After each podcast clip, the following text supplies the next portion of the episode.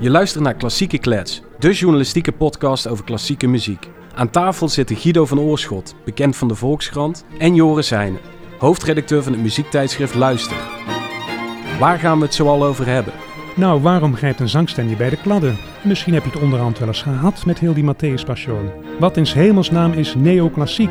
En Puccini, is dat dweilmuziek of een pleister op elke wonde? En foute mensen, maken die per definitie ook foute muziek?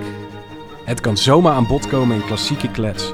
Een podcast van een oude rot en een jonge god, een klassieke nerd en een popmillennial, een Brabander en een Limburger, maar samen hebben ze de mooiste geest van Nederland. Ja, dan heten wij iedereen welkom bij de... Nee. Nou, In- dat- intro hebben we gehad. En eh, ja, hier in de prachtige nieuwe podcaststudio van Tivoli Vredenburg eh, zit ik, Guido van Oorschot, aan tafel met Joris Heijnen. Wij eh, zijn twee enorme muziekliefhebbers. Ik ben een beetje een oude rot en Joris is een jonge god. Eh, hij is een Bedankt. pop, een pop Ja. millennial en ik ben een beetje een klassieke nerd van bijna 60. Ja, wanneer ben je millennial? Vanaf de jaren 80, toch? Ja, Dus dat ben jij klopt dan, wel. dan, ja, ben jij, 84. dan ben jij een millennial. Ja, ik vind een beetje een enge term. Vandaar popmillennial. Ik vind jonge god prettiger. Dat snap ik. Oké. Nou ja, verder ben jij een Limburger uit Weert. En Ja. ik, ik een Brabander uit een dorp bij Breda, dat heet Maden. We zijn ook schrijvende journalisten. Ik ben freelancer, schrijf veel voor de Volkskrant. En jij bent de hoofdredacteur van het, het muziektijdschrift van Nederland. Het klassieke muziektijdschrift van Nederland. Luister. En wij zitten hier omdat we elkaar ooit hebben getroffen voor het eerst in de jury van de klassieke Edison. De prijs die elk jaar wordt uitgereikt aan de, aan de mooiste en de beste klassieke cd's. En ja, wat gebeurde daar? Nou ja, ik merkte wel dat ik met jou meteen heel makkelijk kon praten over muziek. Dat er ook ehm, dat wij een andere manier van over klassieke muziek praten hebben dan met veel andere mensen. En dat leeftijd ook niet uitmaakt. Wat altijd prettig is om te merken, vind ik. Ja, ja ben ik met je eens. Want ik, ehm, als ik met jou praat, dan denk ik niet van... hé, hey, nou praat ik met een dertiger. Hè? Eh, ik voel geen leeftijdsverschil en ook...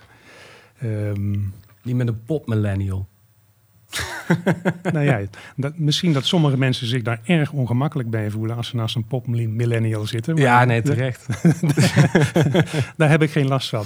Maar wij bleken zo fijn over klassieke muziek te kunnen praten... dat we op een gegeven moment dachten van ja, misschien zit daar wel een podcast in. Ja. En laten we dan die geen hele chique, dure, drempelverhogende naam geven... maar we het beestje gewoon maar bij de naam noemen. Klassieke klets. Ja, Kletsen, mooie titel. Kletsen over klassieke muziek, praten over klassieke muziek. Waarom wij van klassieke muziek houden, van Ja. welke klassieke muziek, hoe je daarna misschien kunt luisteren, hoe je erover kunt praten. En ehm, ja, hopend dat eh, meer mensen dat willen horen. Absoluut. Ik, ik kom dus uit, eh, uit de klassieke hoek. Echt helemaal. Ik heb eh, conservatorium gedaan, blokfluit en ook muziekwetenschap gestudeerd. Jouw achtergrond is iets anders. Nou, ik heb gewoon journalistiek gestudeerd. Ehm, ik ben daarna veel over film gaan schrijven. eh, vanuit film over muziek gaan schrijven. Eerst popmuziek, inderdaad. Wel altijd popmuziek, een beetje de rootskant daarvan. Dus Wat zeg is de rootskant? Nou ja, folk, country, blues. eh, een beetje de zuidelijke Amerikaanse muziek heeft altijd mijn interesse gehad. Ben ik ook mee opgevoed in die zin dat mijn ouders dat altijd draaiden. Er was ook klassiek bij ons thuis, maar eh, meer Emmylou Harris en Graham Parsons en Bob Dylan, zullen we maar zeggen. Sandy Denny, waar jij ook fan van bent, weet Fair. Fairport Convention, prachtig. Absoluut. Prachtig, ja. Ehm, totdat mijn uitgever op een dag vroeg van nou, ik wil eigenlijk met luisteren een andere kant op en een jongere kant op. Zou jij het aandurven om eh, dat stokje over te nemen? En toen dacht ik van nou, ik wil daar wel een nachtje over slapen. En dat was op een vrijdag eh, dat hij dat vroeg. En ik ben eigenlijk diezelfde dag nog bij hem binnengelopen van ik doe het. Want waarom zou je daarover gaan slapen eh, als je een blad over popmuziek kan maken? kun je in zekere zin journalistiek gezien ook een blad maken over klassiek. Het zijn dezelfde journalistieke principes. Ehm, het is natuurlijk wel een heel ander métier. Het is ook een lastiger métier in zekere zin. Maar wat, ik maakt denk, het, wat maakt het lastiger? nou, het is het, het. Kijk, in de popmuziek heb je het over, eh, nou ja, wat zullen we zeggen, 100 jaar muziek? Iets meer? Ja, wij doen het met duizend, hè? Van- Precies. vanaf het Nou. Gregoriaans. Dat is al een probleem. Of in ieder geval, dat is, dat is veel meer. Plus, het is een wat afgebakend wereldje, merkte ik. En ik kwam daar echt als, als nieuweling, totaal onbevangen, kwam ik daarin. Ja, daar ben ik nou heel benieuwd naar, Joris. Want ik ben toevallig ook hoofdredacteur van Luister geweest. Ja. En ik weet dat jij dat blad wilt ontstoffen. ja. Zoals ik zelf dat blad ook heb willen ontstoffen. Ik heb toen gemerkt, laat ik het vriendelijk zeggen, hoe, ehm, hoe onaardig klassieke muziekliefhebbers kunnen zijn. kunnen zijn. Kunnen zijn als je een fout maakt in je tijdschrift of wat dan ook. Je, je kunt gepeperde brieven verwachten. Nou had ik nog het, misschien het voordeel dat ik en conservatorium en muziekwetenschap had gedaan. Dus ehm, van mij mocht worden verondersteld dat ik wel iets van klassieke muziek wist. Maar jij komt er binnen als een jonge god uit de pophoek. Ja, dank Heb je daar iets van gemerkt? Ja, absoluut. Dat, dat in eerste instantie, kijk, niet, niet zozeer van lezers, maar wel in het wereldje, zonder nou namen te gaan noemen. Maar ik, ik moest me echt bewijzen. Ik moest ieder clubje langs om me voor te stellen, dat verhaal uit te leggen. Eh, heel duidelijk proberen te verwoorden waarom dat ik de pretentie heb om dat te kunnen en de ambitie heb om dat te kunnen. En ik, ik moet zeggen, ik heb mezelf er altijd makkelijk voor af kunnen schermen. Ook omdat ik dacht, ik begin er gewoon aan. Eh, aan de andere kant zou je ook kunnen zeggen, omdat ik er als buitenstaander en nieuweling ingerold ben, eh, kijk je met een andere blik. Kijk je misschien ook met een meer onbevangen blik, frissere blik. Ehm, en ik ben nu echt zwaar voor eigen parochie aan preken. Maar, maar ik, ben, ik heb op zich dat nooit eh, als, als intimiderend ervaren. En ik dacht gewoon, ik begin eraan. Ik heb een hele duidelijke missie. Ik wil dat het er beter en frisser uitziet. Jonger uitziet. Ik wil dat het natuurlijk voor de oude diehard eh, klassieke fans nog steeds heel eh, goed leesbaar en prettig blijft. En dat je die niet tegen je in het harnas werkt. Maar ik wil ook kijken. En dat probeert werkelijk iedereen in de klassieke wereld al, eh, al twintig jaar. Om het gewoon wat, wat vlotter te maken. En meer aan te sluiten op een jongere generatie. Dat is het, het centrale thema in de klassieke muziekwereld. Hè? Van hoe trekken wij jongere luisteraars?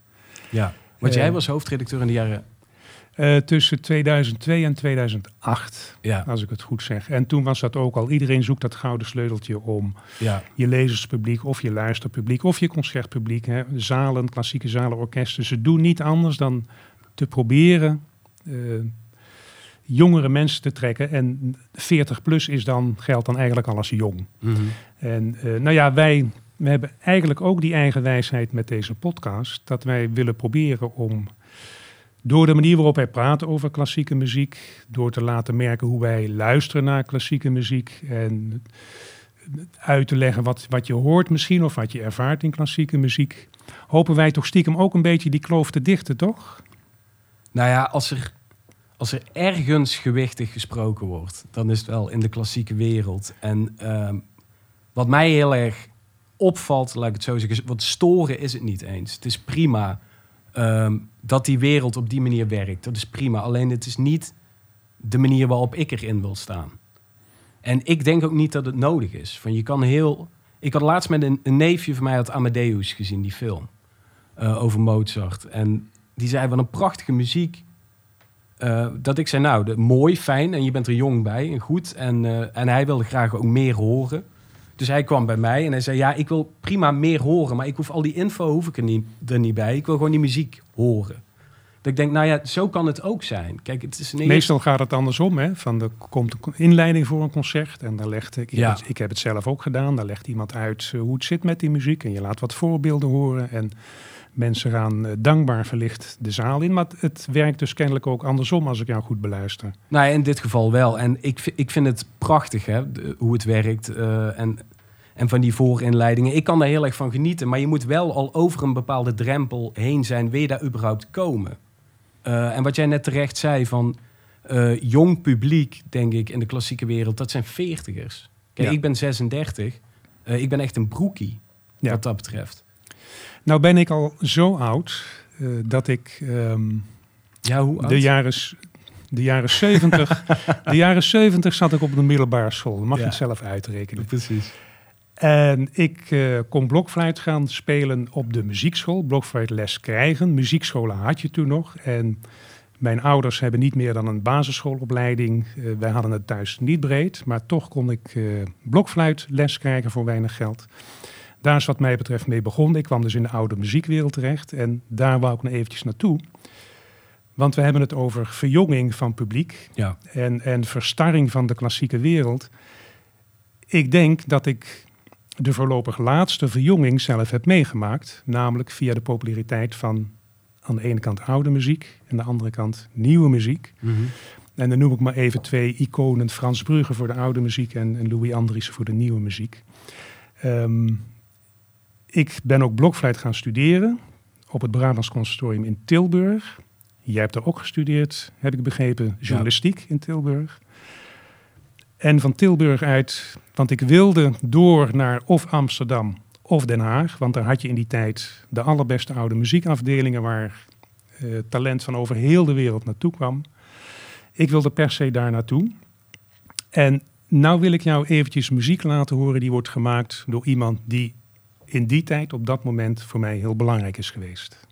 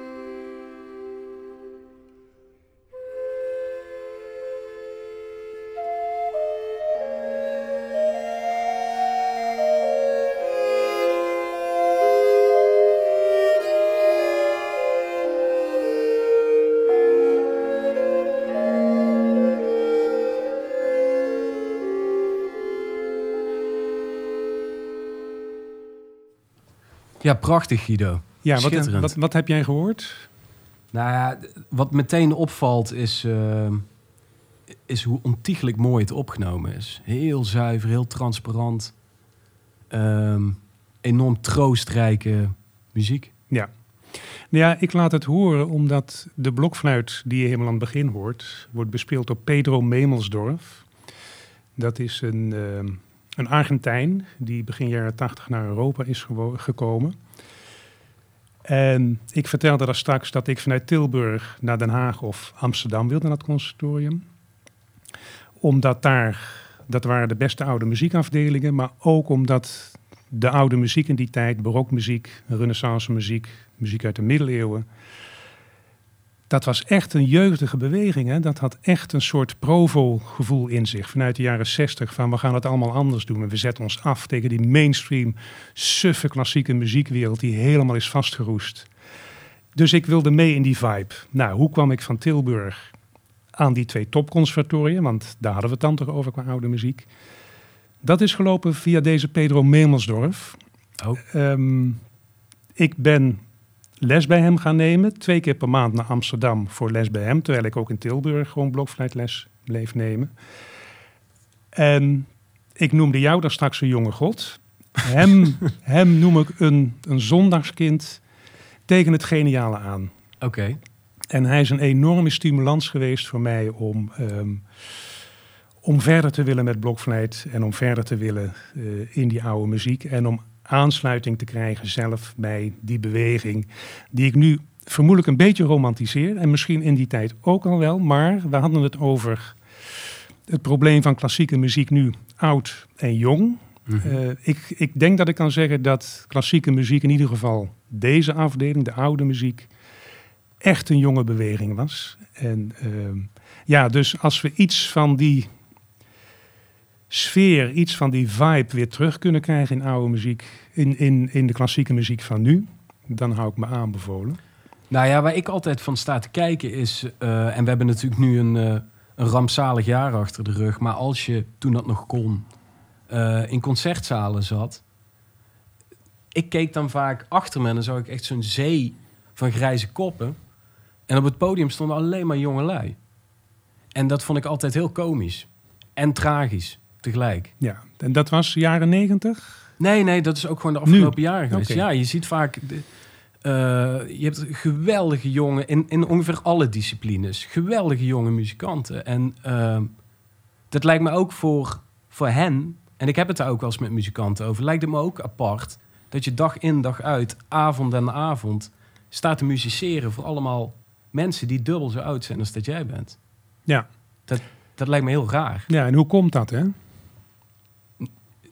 Ja, ik kan alleen maar voor mezelf praten. Dat, dat, ik heb ook een tijd nodig gehad om er, eh, om er voor open te staan. En, en ik ben door allerlei eh, muzikale fases heen gegaan... voordat ik eindelijk eh, uitkwam bij re- renaissance... en later pas ook middeleeuwen. En, Nou ja, ik, ik stel die vraag ook een beetje met een, met een bijbedoeling.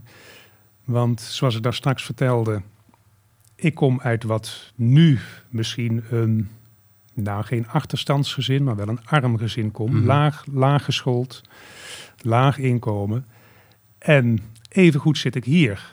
En dat kwam doordat destijds bijvoorbeeld de, de muziekscholen over Nederland verspreid waren, waar je echt voor een habbekrats les kon krijgen. Ja. Doordat er nog eh, muziekles werd gegeven op basisscholen en middelbare scholen, waarbij er niet heel moeilijk werd gedaan over klassieke muziek. Dus je kwam ermee in aanraking, je kreeg de gelegenheid en ja, ik denk zomaar dat dat voor heel veel kinderen van tegenwoordig veel moeilijker is. Dus ja, zodra het onderwijs besluit om aan een bepaalde kunstvorm geen of weinig aandacht te geven, ja, allicht groeien er dan generaties op die er niks mee hebben. Of klink ik nou als een beetje een eh, geborneerde oude man? nee, nee, niet specifiek hierdoor. nee, maar... ehm, nee, absoluut niet. En, en als je inderdaad ehm, klassiek niet onderwijst, dooft het uit. En dat is vreselijk om te zien. En wat ook... Maar er zijn zoveel mechanismen in werking dat eh, kinderen, zeg maar, van, van 12, 13 luisteren ook geen albums meer. Die, die luisteren tracks. En laat staan dat die eens een keer gaan zitten voor een symfonie.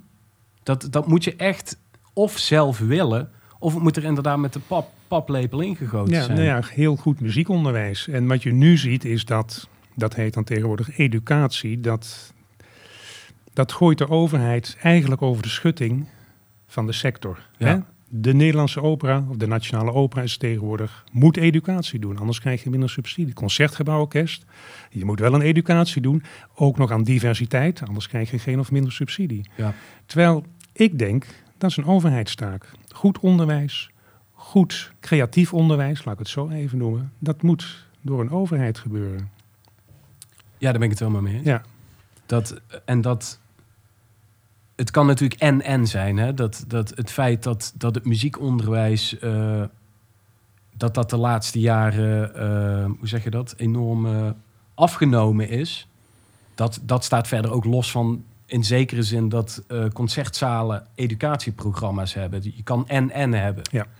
Maar je moet echt al op hele jonge leeftijd moet je natuurlijk beginnen met stimuleren en dingen laten horen. En daar zit voor mij vaak een pijnpunt dat als je op tienjarige leeftijd een stuk hoort van Mozart en je vindt dat prachtig, is dat al genoeg. Je hoeft dan niet nog eens een keer uit te gaan leggen wat dat is en waar het bij hoort en wat er nog meer allemaal is. Laat het ook eh, laagdrempelig zijn. dan wordt het weer te belerend, wou je zeggen. Dat, het kan heel snel in de klassieke wereld belerend zijn, omdat het ook gewoon heel complex is. Kan zijn. Kan zijn, maar Ja. het is ook complex. Ja. Het is veel, het is vaak onoverzichtelijk. Ja, je wou zeggen, die tien eeuwen muziek, dat is één grote grabbelton, jungle. Als je, hè, d- ik zeg altijd, er zit voor iedereen muziek in die die, waarvan die door de grond zakt. Hè, zo mooi is het. Maar Positief bedoel je? Ja, eh, dat ja, ja. bedoel ik positief. Ja. Maar zie het maar eens te vinden. Wie vertelt jou dat net die ene componist of net dat ene stuk jou helemaal van de sokken blaast? Nou, daar ligt de schone taak voor ons. Ja, Eh, niet, niet per se in deze podcast, ook natuurlijk, maar ook gewoon op alle uitingen van journalistiek. Of in alle uitingen van journalistiek. Eh, je, je zult mensen bij de hand moeten nemen. En ik merk ook dat mensen dat heel fijn vinden. Van, eh, ik, ik vind het ook heel fijn, en ik vond het vroeger ook al heel fijn, als ik mooie tips kreeg aangereikt. Als iemand tegen mij zegt van, hé, hey, ik heb een prachtig stuk gehoord van Hildegard van Bingen. Ga er nou eens voor zitten. En ik ben echt overdonderd. Ja, nou, maar dat vroeg ik mij af, want jij vertelde er straks dat jij eh, uit een gezin komt waar veel muziek werd gedraaid, maar Ja. meer de, wat dan nu de Americana hoek heet, de roots hoek. Ja, country, folk. Ja. Maar van daaruit heeft jouw smaak, jouw klassieke smaak zich ontwikkeld. De, is, is daar een soort traject in te schetsen? Hoe is dat gegaan? Nou ja, er was wel altijd in ons huishouden eh, klassieke muziek aanwezig. Maar eh, zeg maar Mozart, Bach, Brahms, wat, Handel, Vivaldi. En dan de standaard werken, zeg maar. En die, die kende ik ook al op hele jonge leeftijd. Ook gewoon omdat dat ontzettend catchy, aanstekelijke eh, werken zijn. Ehm, en ik, mijn liefde eigenlijk, en dan komen we ook bij het stuk dat ik je graag eh, wil laten horen. Of één van de stukken. Mijn liefde voor klassiek is in eerste instantie uit film ontstaan. Dat ik films zag waarin bepaalde scènes, op jonge leeftijd al, bepaalde scènes mij zo ontzettend raakten. Dat ik dacht, maar dit is niet alleen het acteerwerk, dit is ook de muziek die eronder zit. En vaak was dat klassieke muziek. Ik noemde net al Amadeus bijvoorbeeld, wat echt een fenomenale film is wat mij betreft. Klopt helemaal niks van qua verhaal. Ehm, maar het is wel schitterend gedaan. En het geeft in zekere zin ook wel, wel een mooi beeld van Mozart wat klopt. Ehm, en, en Welk mooi beeld? nou ja, kijk, het, fe- het, feit dat Mozart wordt neergezet als een soort van vlierenfluiter, daar Ja. klopt helemaal niks van. Het was gewoon echt een serieuze componist. Het enige waar je hem op kan betrappen is dat hij af en toe een beetje schunnige brieven schreef. Nogal. Ja, ja, wat ik heel komisch vind overigens. Maar hij wordt in die film echt neergezet als een seksistische losbol. Dat was hij absoluut niet. Hij was eh, trouw aan zijn vrouw. Of in ieder geval, er is geen documentatie. Het is niet bewezen dat hij dat niet was. Nee, wat die film wel goed deed, ik val je maar even in de reden, is eh, Mozart was, heeft nog steeds het risico dat het een, in een, een keurig pakje gehezen muziekaapje is, dat, dat keurige kunstjes doet en alles eh, met fluwelen handschoentjes. eh, hè. Maar de- die film heeft dat beeld ook wel ernstig ondergraven. Ja, zelfs op zo'n manier dat je af moet vragen of dat helemaal terecht is. Ja. Ehm, Maar jij ging toen naar de filmmuziek die, eh, die je mij wilde laten horen. Nou ja, ik dacht van tevoren, ik kan wel. Kijk, als het er van mij echt op aankomt, en dit is, dit is echt eh, eh, een onmogelijke keuze, maar als het er echt op aankomt, zou ik altijd voor Mozart gaan. Dus voor mij altijd de belangrijkste componist geweest en de mooiste en degene die mij altijd weer weet te raken. De, een vriend van mij noemde hem laatst de tienkamper onder de componisten. Dat vond ik wel mooi, want hij kon alles briljant. Hij heeft in ieder genre, eh, of in iedere discipline, heeft hij meerdere meesterwerken gemaakt. Ja. Waar Bach en Beethoven dus al afvallen als we vervelend gaan doen. Ja, nee, als we het over opera hebben, dan valt Bach sowieso af. En, en Fidelio van Beethoven qua opera heeft ook zo zijn probleempjes. Maar is wel een opera. Mensen zeggen dan ja. van ja, maar de Matthäus is ook een soort opera. Nee, telt niet. Nee, Ehm, blij dat je zo streng bent. goed hè? Ja, we moeten ergens beginnen. We gaan streng zijn. Eh, dus ik dacht, ik kan wel wat van Mozart gaan draaien. En ik dacht in eerste instantie aan, aan Sularia, dat bekende stuk uit, eh, of die bekende aria uit uh, eh, di Figaro. Wat ook in de Shawshank Redemption zit en daar heel bekend mee is geworden. Maar ik dacht van ja, dat, dat kent en iedereen. En dat, daar heb ik verder ook niet heel veel verhaal bij. Buiten het feit dat ik het echt bovenaards mooi vind. Nee, ik heb een stuk gekozen van uit Cavalleria Rusticana van Mascagni. Het eh, intermezzo. Omdat ik... Ik ben een enorme fan van, eh, van de filmregisseur Martin Scorsese. Een eh, nogal ruige filmmaker, zullen we maar zeggen, uit New York. Een beetje generatie Spielberg. Francis Ford Coppola. En ik weet nog wel dat een oom van mij zijn relatie was uit. En hij kwam toen een paar weken bij ons inwonen. En hij was on- ondertussen op zoek naar een andere, andere woning. En hij had een aantal films meegenomen. En hij zei tegen mij, jij moet Taxi Driver kijken. En mijn moeder dacht al, oh nee, daar gaan we. Dit komt nooit meer goed. En ik denk dat ik toen 14 was of zo.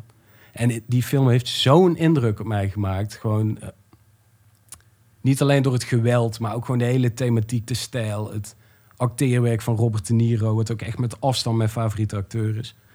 En daarna heeft Scorsese een film gemaakt, Raging Bull, over een bokser.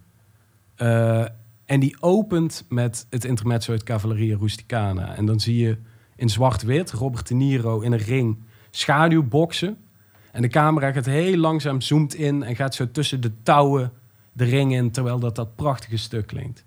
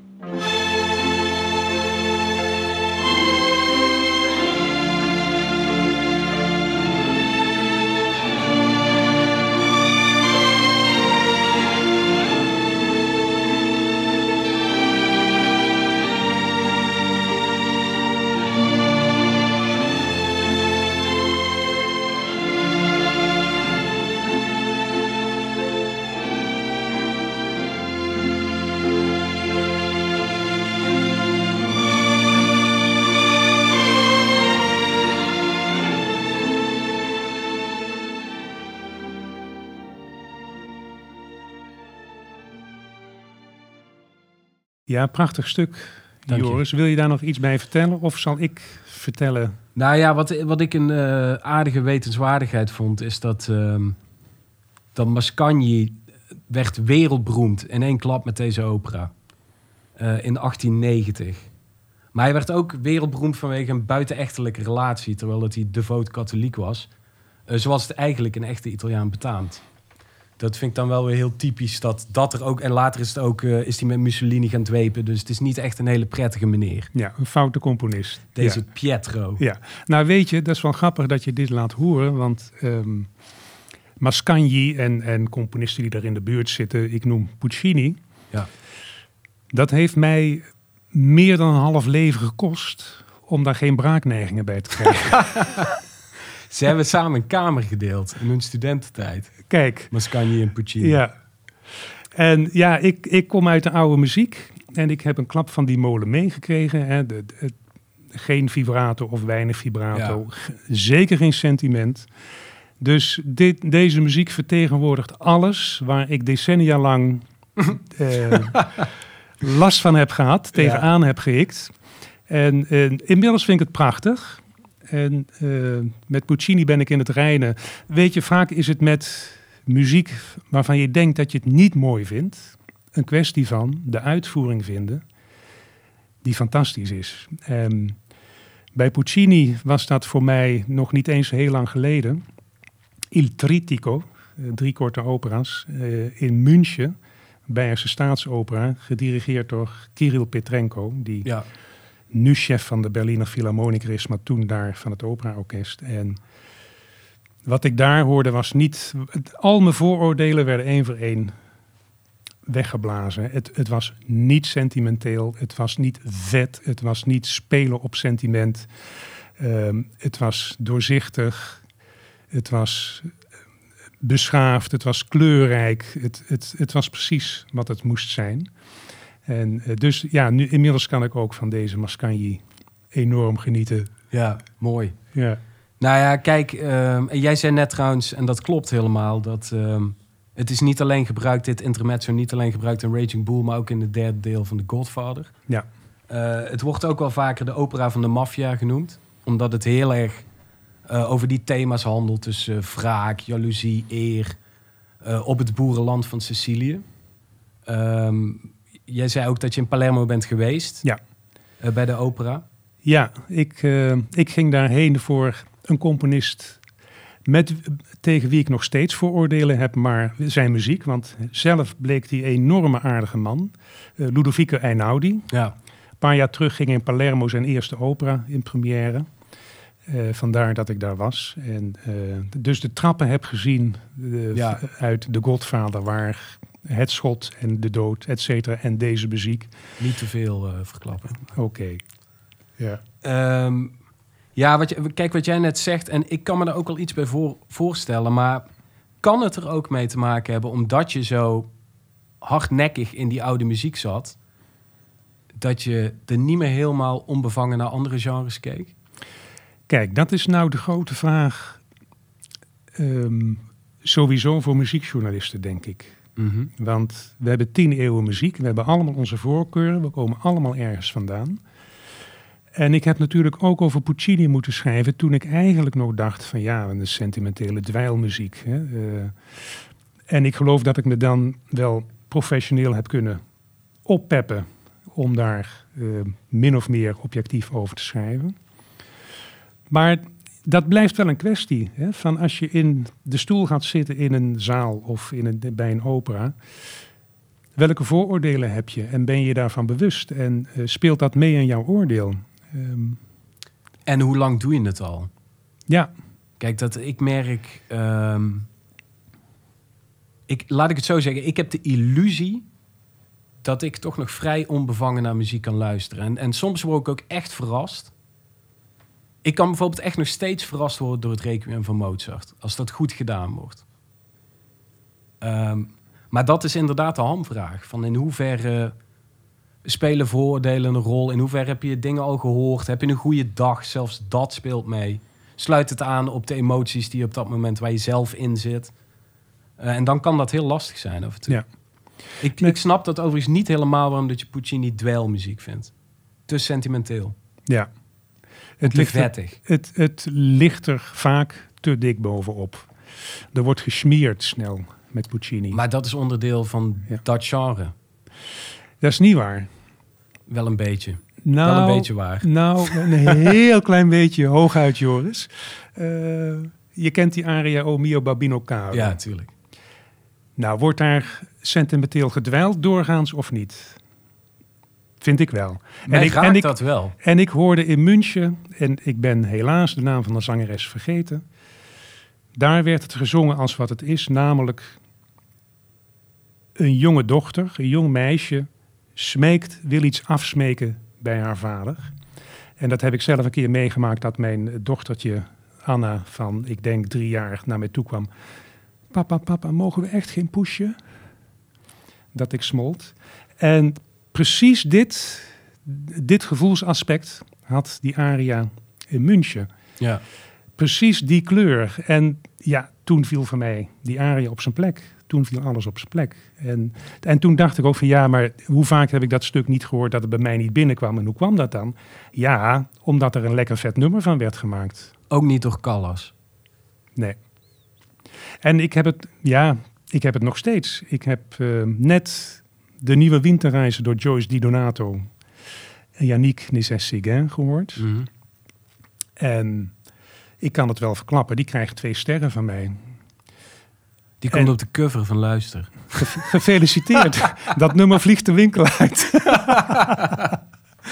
Maar hier hier lo- het hier even wat langer over hebben nog een keer. Maar ik, ik loop hier te- tegen hetzelfde aan, namelijk een operastem die zichzelf in de weg zit in een bepaald repertoire. Kan ik me een, enigszins in vinden in dit geval. Ja. Al is het met lef gedaan. Ja. ja, en is Yannick een hele goede pian- pianist voor een dirigent. I Ehm, rest my case. Maar ehm, het- merk jij bij jouzelf vooroordelen? Dat je denkt van, hmm, Absoluut, ja. Ik, ik heb heel veel vooroordelen tegen de Tweede Weense school, bijvoorbeeld. oké, Arnold Schoenberg, Ja, Berg. Alban Berg, Anton Webern. Omdat ik merk dat ik daar ontzettend mijn best voor moet doen. Ja.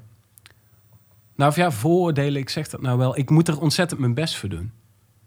Eh, ik, ik kan daar niet... Ik kan daar in die zin... Dan, dan wordt muziek echt werk. Als ik daar wat van moet vinden. En dat doe ik met alle liefde, begrijp me niet verkeerd. Maar ik zal nooit op een avond tegen mijn vriendin zeggen... pak eens even lekker Schoenberg eh, uit de kast. Ja, dat zal ik ook niet doen, maar ik kan er wel van genieten. Ja, Ja, nou ja, ik... En dat heeft alles te maken met complexiteit van die muziek. Dat, dat is een bepaald métier waar ik gewoon heel erg mijn best voor moet doen. maar het is ook bij uitstek een school, die Tweede Weense school, eh, waar je kenners idolaat over kunt horen praten. En dat schept voor jou misschien ook een afstand, of speelt dat niet mee?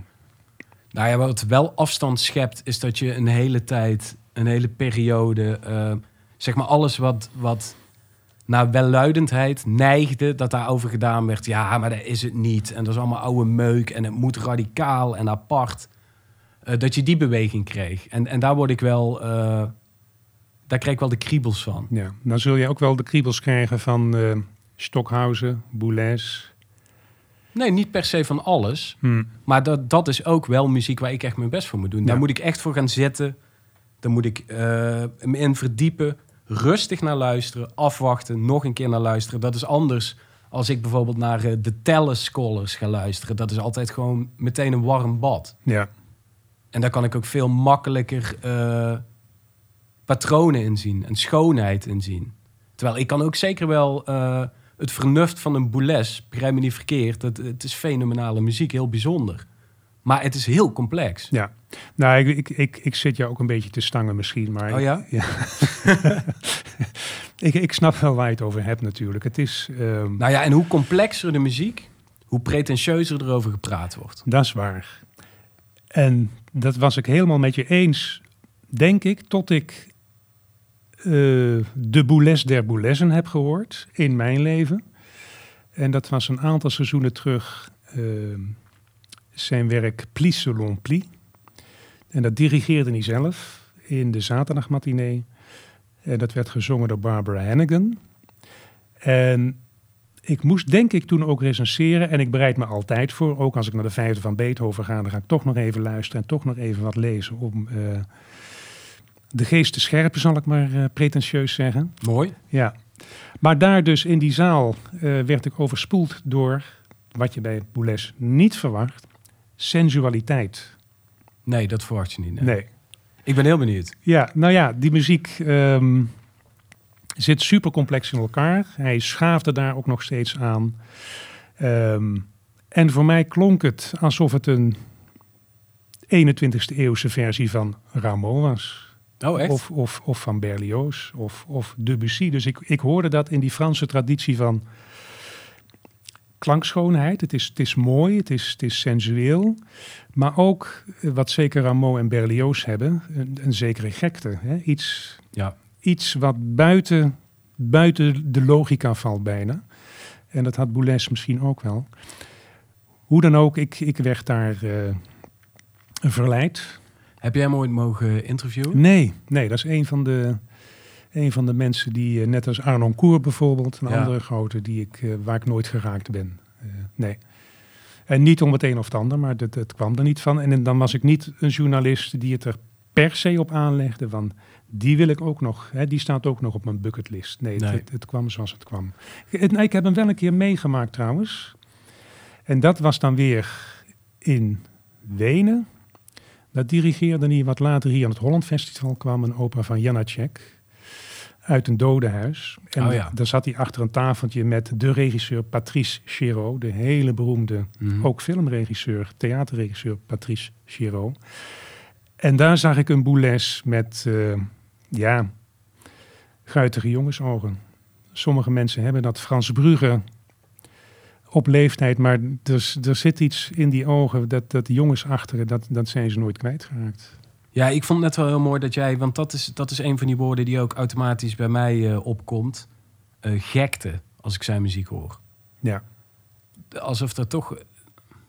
Het heeft iets krankzinnigs vaak. Ja. En dat valt alleen maar te prijzen. Ja, overigens. nee, wij willen meer gekte in de klassieke muziek. Absoluut. dat is precies wat we willen, ja. ja. Nou, zullen we even gaan luisteren? Ja.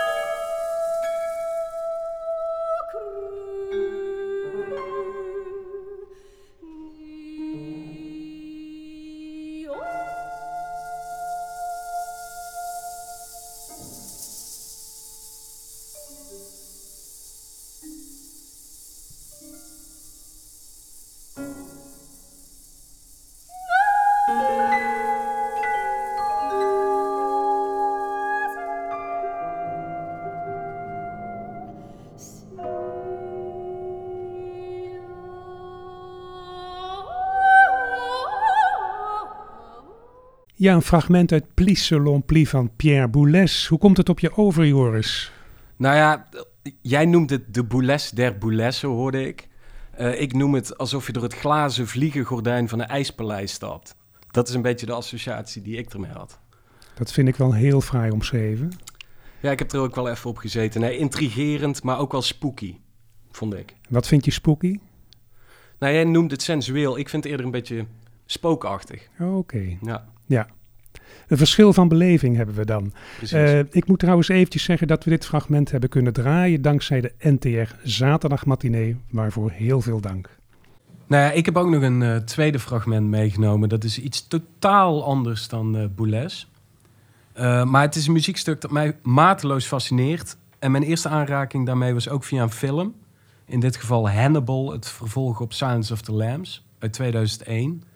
en hoe vulgair en vuil die film is. Zo prachtig mooi vind ik het muziekstuk. En het fascinerende eraan is dat het uit 2001 komt.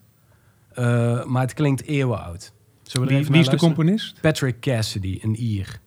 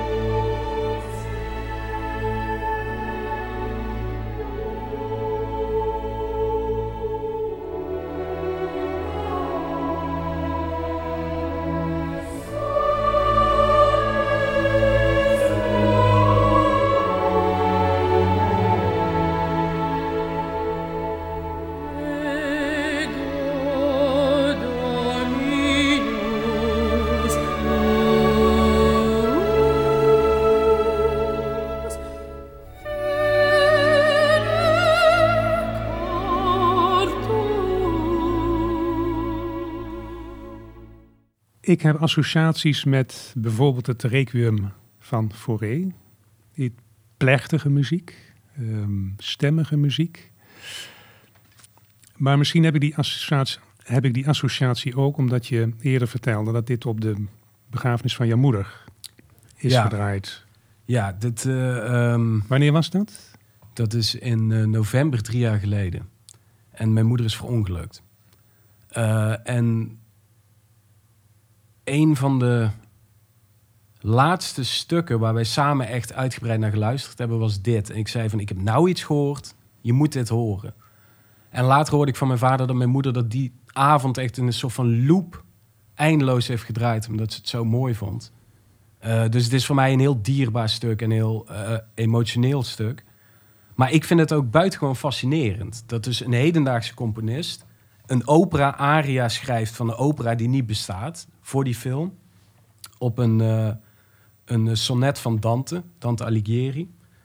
Vide Cormeum zie mijn hart. Ehm, en je zou, je zou er net zozeer een boom voor op kunnen zetten dat dit edelkietsch is, dan dat het fenomenaal goed gedaan is. En ergens fascineert me dat ook. En ik ben benieuwd wat jij daarvan vindt. Snap je wat ik bedoel? Ja. Ik ben, en dat zeg ik in alle, ehm, alle respect.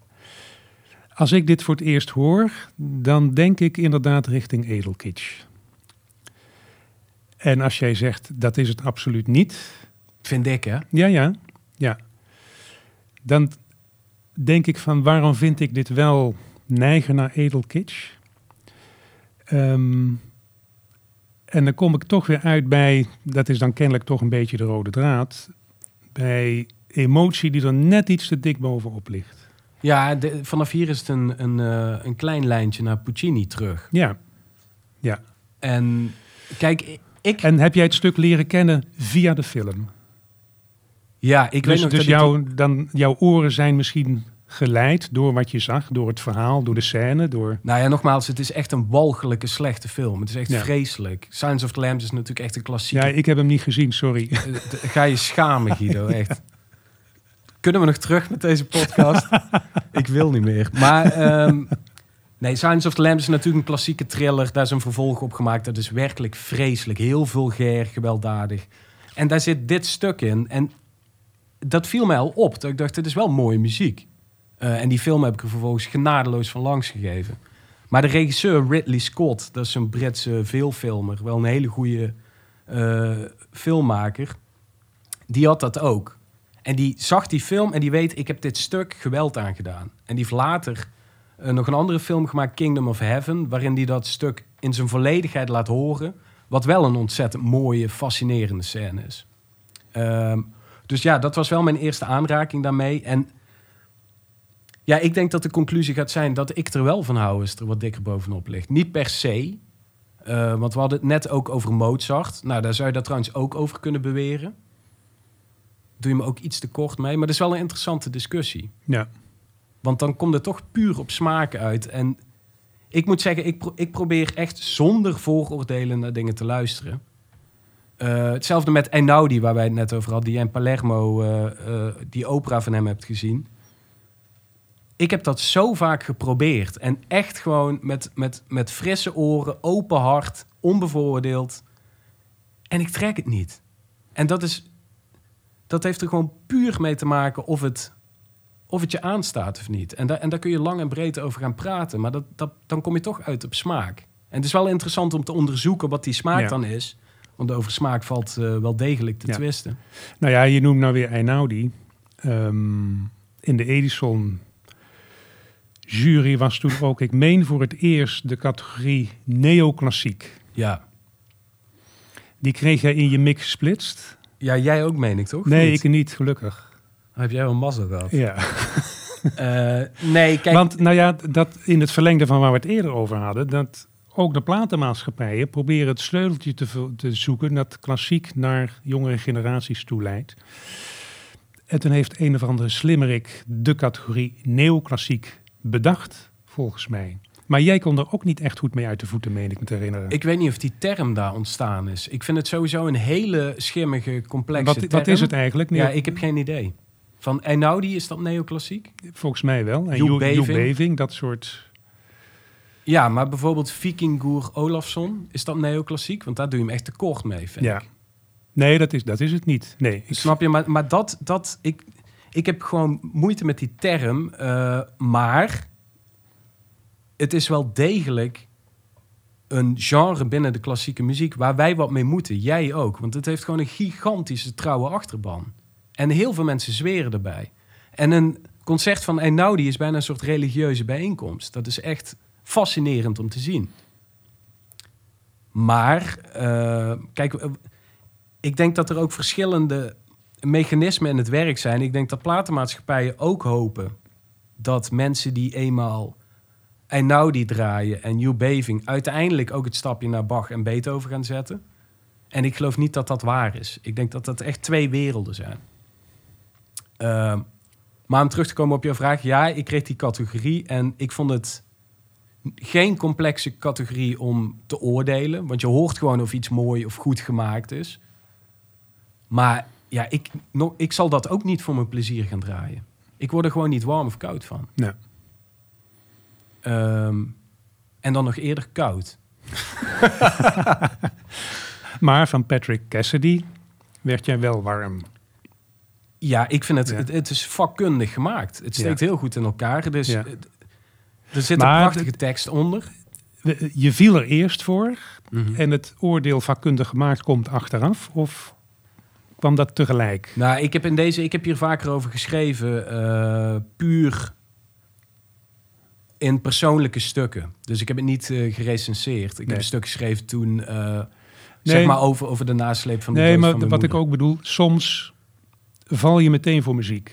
Ja, dat er, had ik er wel. is niks tussen jou en de muziek. En het neemt meteen bezit van je. Je kunt je, kunt je niet eens realiseren waarom, maar je valt ervoor. Ja, dat was zeker het geval. dat had jij hier ook. Ja. Nou ja, ik heb even opge- opgeschreven, niet om mezelf te gaan quoten, dat is een beetje aanmatigend, maar ehm, ik vind het echt paradijselijk. Alsof je een soort lijntje hebt met de eeuwigheid. En dat, en dat vind ik ook in de, in de eh, meest credible renaissance muziek die er is. Dus in die zin is daar voor mij niet echt verschil. Het is goed gemaakt, het raakt mij. En vervolgens maakt het me ook niet zo heel veel uit Ja. wat anderen daarvan Nou ja, wat dat betreft ben jij een, denk ik ook een representant van een jongere generatie. Want dat hoor ik vaker, dat voor de jongere generatie de muziekgeschiedenis een continuum is. Waar je, ehm, je hoeft die historie allemaal niet te kennen, maar je een trek uit het 21ste eeuw en een trek uit de 14e eeuw en iets uit de zin. En die eeuwen doen er ook niet toe, maar het is gewoon, deze muziek is mooi. En je kunt hem misschien niet plaatsen. Nou ja, je plaatst het als paradijselijk. Hè? Dat was ook mijn associatie, het Requiem van Fauré. Daar, Mhm. daar zit ook een eh, in paradisum in. Ehm, terwijl ik zelf merk, ik, ik luister altijd vanuit de hele muziekhistorie. Dus ik probeer dingen te plaatsen. Dat is ook een beroepsdeformatie misschien. Maar het kan ook iets met mijn generatie te maken hebben. Nou, ik ben wel degelijk bezig met plaatsen. Maar ik ben niet bezig met plaatsen voordat ik het... Ik hoor het. Het doet iets met me. En dat zal altijd het uitgangspunt zijn. Ik, ik hoor ook heel veel dingen die niks met mij doen, waar ik toch wat mee moet. En dan... eh, Welkom bij de club. ja, leuke baan trouwens. Maar dan, ehm, ja, dan moet je daar ook wat mee. En dan vind ik het wel heel interessant om terug te gaan kijken. Ja, nou ja, en dat ben je ook aan je lezer verplicht, denk ik. Hè? Dat je probeert een stuk te plaatsen. Eh, want wij zeggen niet alleen eh, aanhalingstekens openen. Dit is mooi, want zus en zo. Of dit is lelijk, want zus en Nee, je, je probeert muziek voor een lezer ook een context te geven. En dat kan te maken met een stijlperiode of met een eeuw of met een componist. Dus ja, als je erover gaat schrijven, dan wordt het alweer net wat anders misschien. Ja, absoluut. Eh, maar, nou ja, ik, ik, wat ik in ieder geval vaak probeer... En, en wat voor mij goed werkt, is om echt een vreselijk woord te gaan gebruiken. Beleving. Om vanuit daar te werken. Dus je, je, je hoort een stukje, je hebt meteen een associatie. Daar kun je vaak creatieve dingen mee. Ja. Eh, en vervolgens probeer je het natuurlijk altijd in, in zijn tijd te plaatsen. En je probeert... ehm, En er komt heel de journalistieke rimram erbij te pas van, de- van de... de Ja. Kijk, en, en als jij, een makkelijk, makkelijk voorbeeld, maar bijvoorbeeld Stravinsky is een bepaalde werken eh, gewoon schatplichtig aan Gesualdo. Ja. Dat is wel handig Ja. als je dat dan ook benoemt. En daar heb je Ja. gewoon kennis voor nodig. Dus, Ja. eh, Maar je zei net nog iets wat, wat mij ook wel aansprak. Ehm, het woord beleving, ja, verschrikkelijk lelijk woord. ja, mode. Ja, maar ik, als, als ik een recensie schrijf, ehm, je kunt kiezen tussen de formele aanpak, zeg ik altijd maar, waarin je keurig in je eerste alinea ehm, de aanleiding hebt staan, het was daar en, en, en zus en zo. Liever begin ik vanuit de beleving. eh, wat heeft het concert met mij gedaan? Of wat heb ik gezien? Wat heb ik gehoord?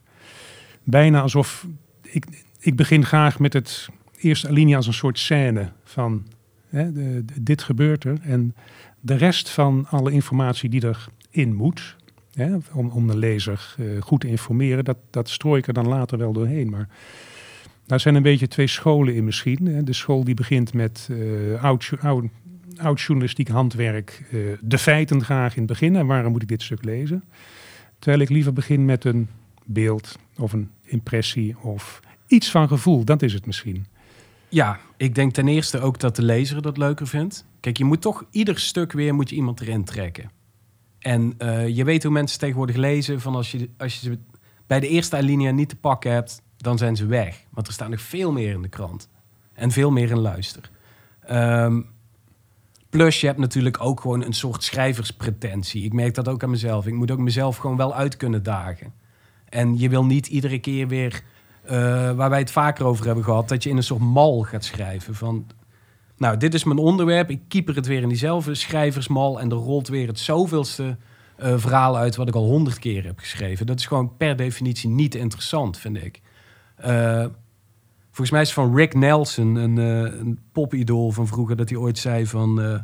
You can't please everybody, so why don't you just please yourself? Van, je moet het ook voor jezelf gewoon leuk houden. Ja. Dat merk ik ook. Van, het is werk, maar het moet ook gewoon leuk zijn. En om het leuk te houden, probeer je jezelf uit te dagen in vorm en in stijl. En, en doe je eens een keer wat anders. Ja, nou, daar kunnen we elkaar aan de hand schudden. Ja, maar dat is toch ook belangrijk. Ja, Van, volgens mij is dat voor de lezer ook alleen maar Ja. de moeite waard. ja. We hebben veel behandeld, Joris, Ja, in, eh, in deze eerste aflevering van de, de, de podcast Klassieke Klets. En we gingen misschien van links naar rechts en terug en van boven naar beneden. Maar van de andere kant heb ik het gevoel dat we toch wel een beetje wat rode lijntjes in hebben kunnen aanbrengen. En ook dingen waar we in de toekomst zeker op terug gaan komen. Hoe je luistert, hoe je smaakontwikkeling is, hoe, hoe je over muziek praat, hoe je over muziek schrijft. Is allemaal wel een beetje voorbij gekomen. En, eh, Ja, plus in mijn hoofd gaat het gewoon vaak zo. Van hot naar her. Oh, zo zit jij links nog- naar rechts. Ja, dat, eh, we kunnen wel lijn aan gaan brengen, maar dat gaat niet altijd lukken, vrees ik. Nou ja, wie ook een beetje een karakterologische schets van de twee eh, Ja, eh, discussiepartners hier. Hè? Ja. nou ja, plus... ehm, Want het persoonlijke gaan we ook niet helemaal schuwen, denk ik. Hè? We, gaan niet, eh, we gaan niet onze ziel en zaligheid en onze frustraties en weet ik het wat op tafel leggen. Maar Nou. nou ja, nee, kijk, ik kan hier alleen maar zitten vanuit mezelf. Ik zit hier ook niet. eh, tuurlijk, ik ben hoofdredacteur van Luister, maar eh, dit is mijn smaak en mijn mening. Eh, puur die van mij. ja, nee, je zit hier ook niet namens luisteren. Hè? Je vertegenwoordigt niet, niet het tijdschrift. Ik vertegenwoordig ook alleen mezelf en niemand anders. Dus wij zijn vrij om te praten over en hoe en wat wij willen. Ja, en dat zal af en toe misschien wel. zal er eens een keer wat frustratie uitkomen. Maar het meeste is liefde, wat Ik- mij betreft. Ik, ik hoop een, een beetje frustratie op zijn tijd. Ja, Dat maakt het toch wel levender. hè? Het moet een beetje schuren, Ik verheug me op de volgende aflevering. insgelijks. Ja.